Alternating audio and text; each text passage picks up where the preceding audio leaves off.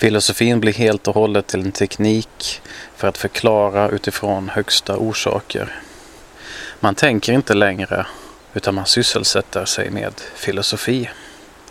I tävlandet mellan sådana sysselsättningar erbjuder sig dessa som ismer och försöker att överträffa varandra.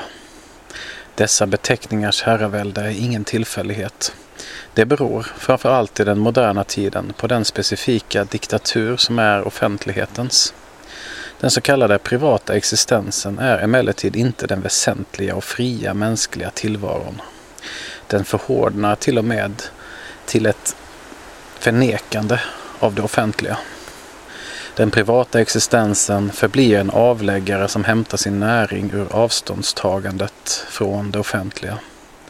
På så vis tillkännager den, mot sin egen vilja, sitt förslavande under offentligheten. Denna offentlighet själv är det metafysiskt betingade, ur subjektivitetens herravälde härstammande, inrättandet och bemäktigandet av det varandes öppenhet genom alltings obetingade objektivering. Därför blir språket till ett medel för förmedling och transport. Där objektiveringen utvecklas som alltings likformiga tillgänglighet för alla, där alla gränser misskänns. Så underkastas språket offentlighetens diktatur. Denna bestämmer i förväg vad som är begripligt och vad som måste förkastas som obegripligt.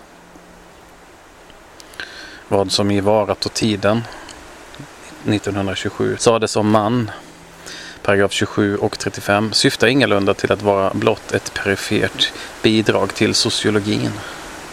Lika lite innebär man bara den etiskt existentiellt förstådda motbilden till en person som är sig själv. Det som där sades innehåller snarare en hänvisning till ordets initiala tillhörighet till varat, tänkt utifrån frågan om varats sanning under subjektivitetens herravälde, vilken framställs som offentlighet, förblir detta förhållande dolt. Men när varat sanning blivit tänkvärd för tänkandet måste också besinnandet av språkets väsen erhålla en annan rang. Det kan inte längre bara vara språkfilosofi.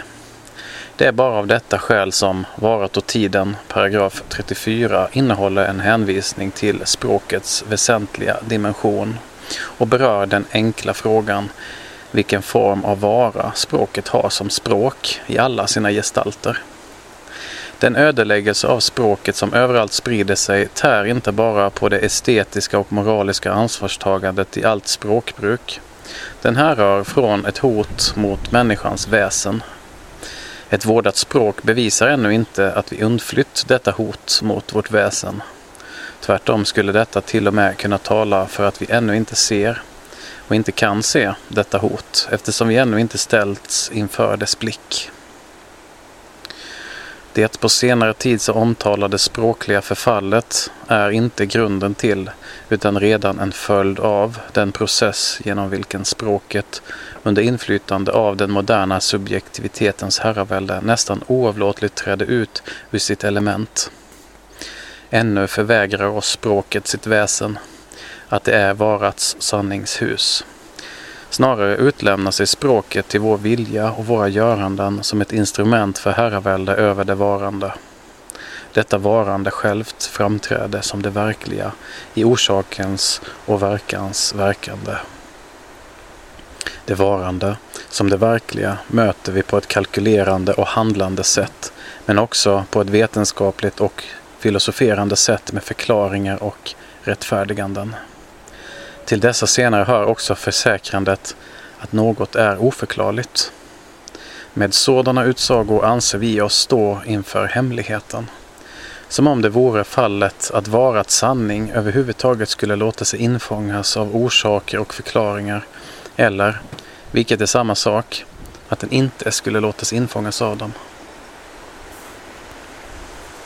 Men om människan ännu en gång skall hitta fram till varats närhet, då måste hon först lära sig att existera i det namnlösa. Hon måste i lika hög grad inse det offentligas förförelse som det privatas vanmakt. Innan hon talar måste hon först låta sig tilltalas av varat, med den risken att hon inför detta tilltal inte kommer att ha mycket att säga. Bara på detta sätt kommer ordet att återskänkas kostbarheten hos sitt väsen och människan den boning som låter henne vistas i varats sanning.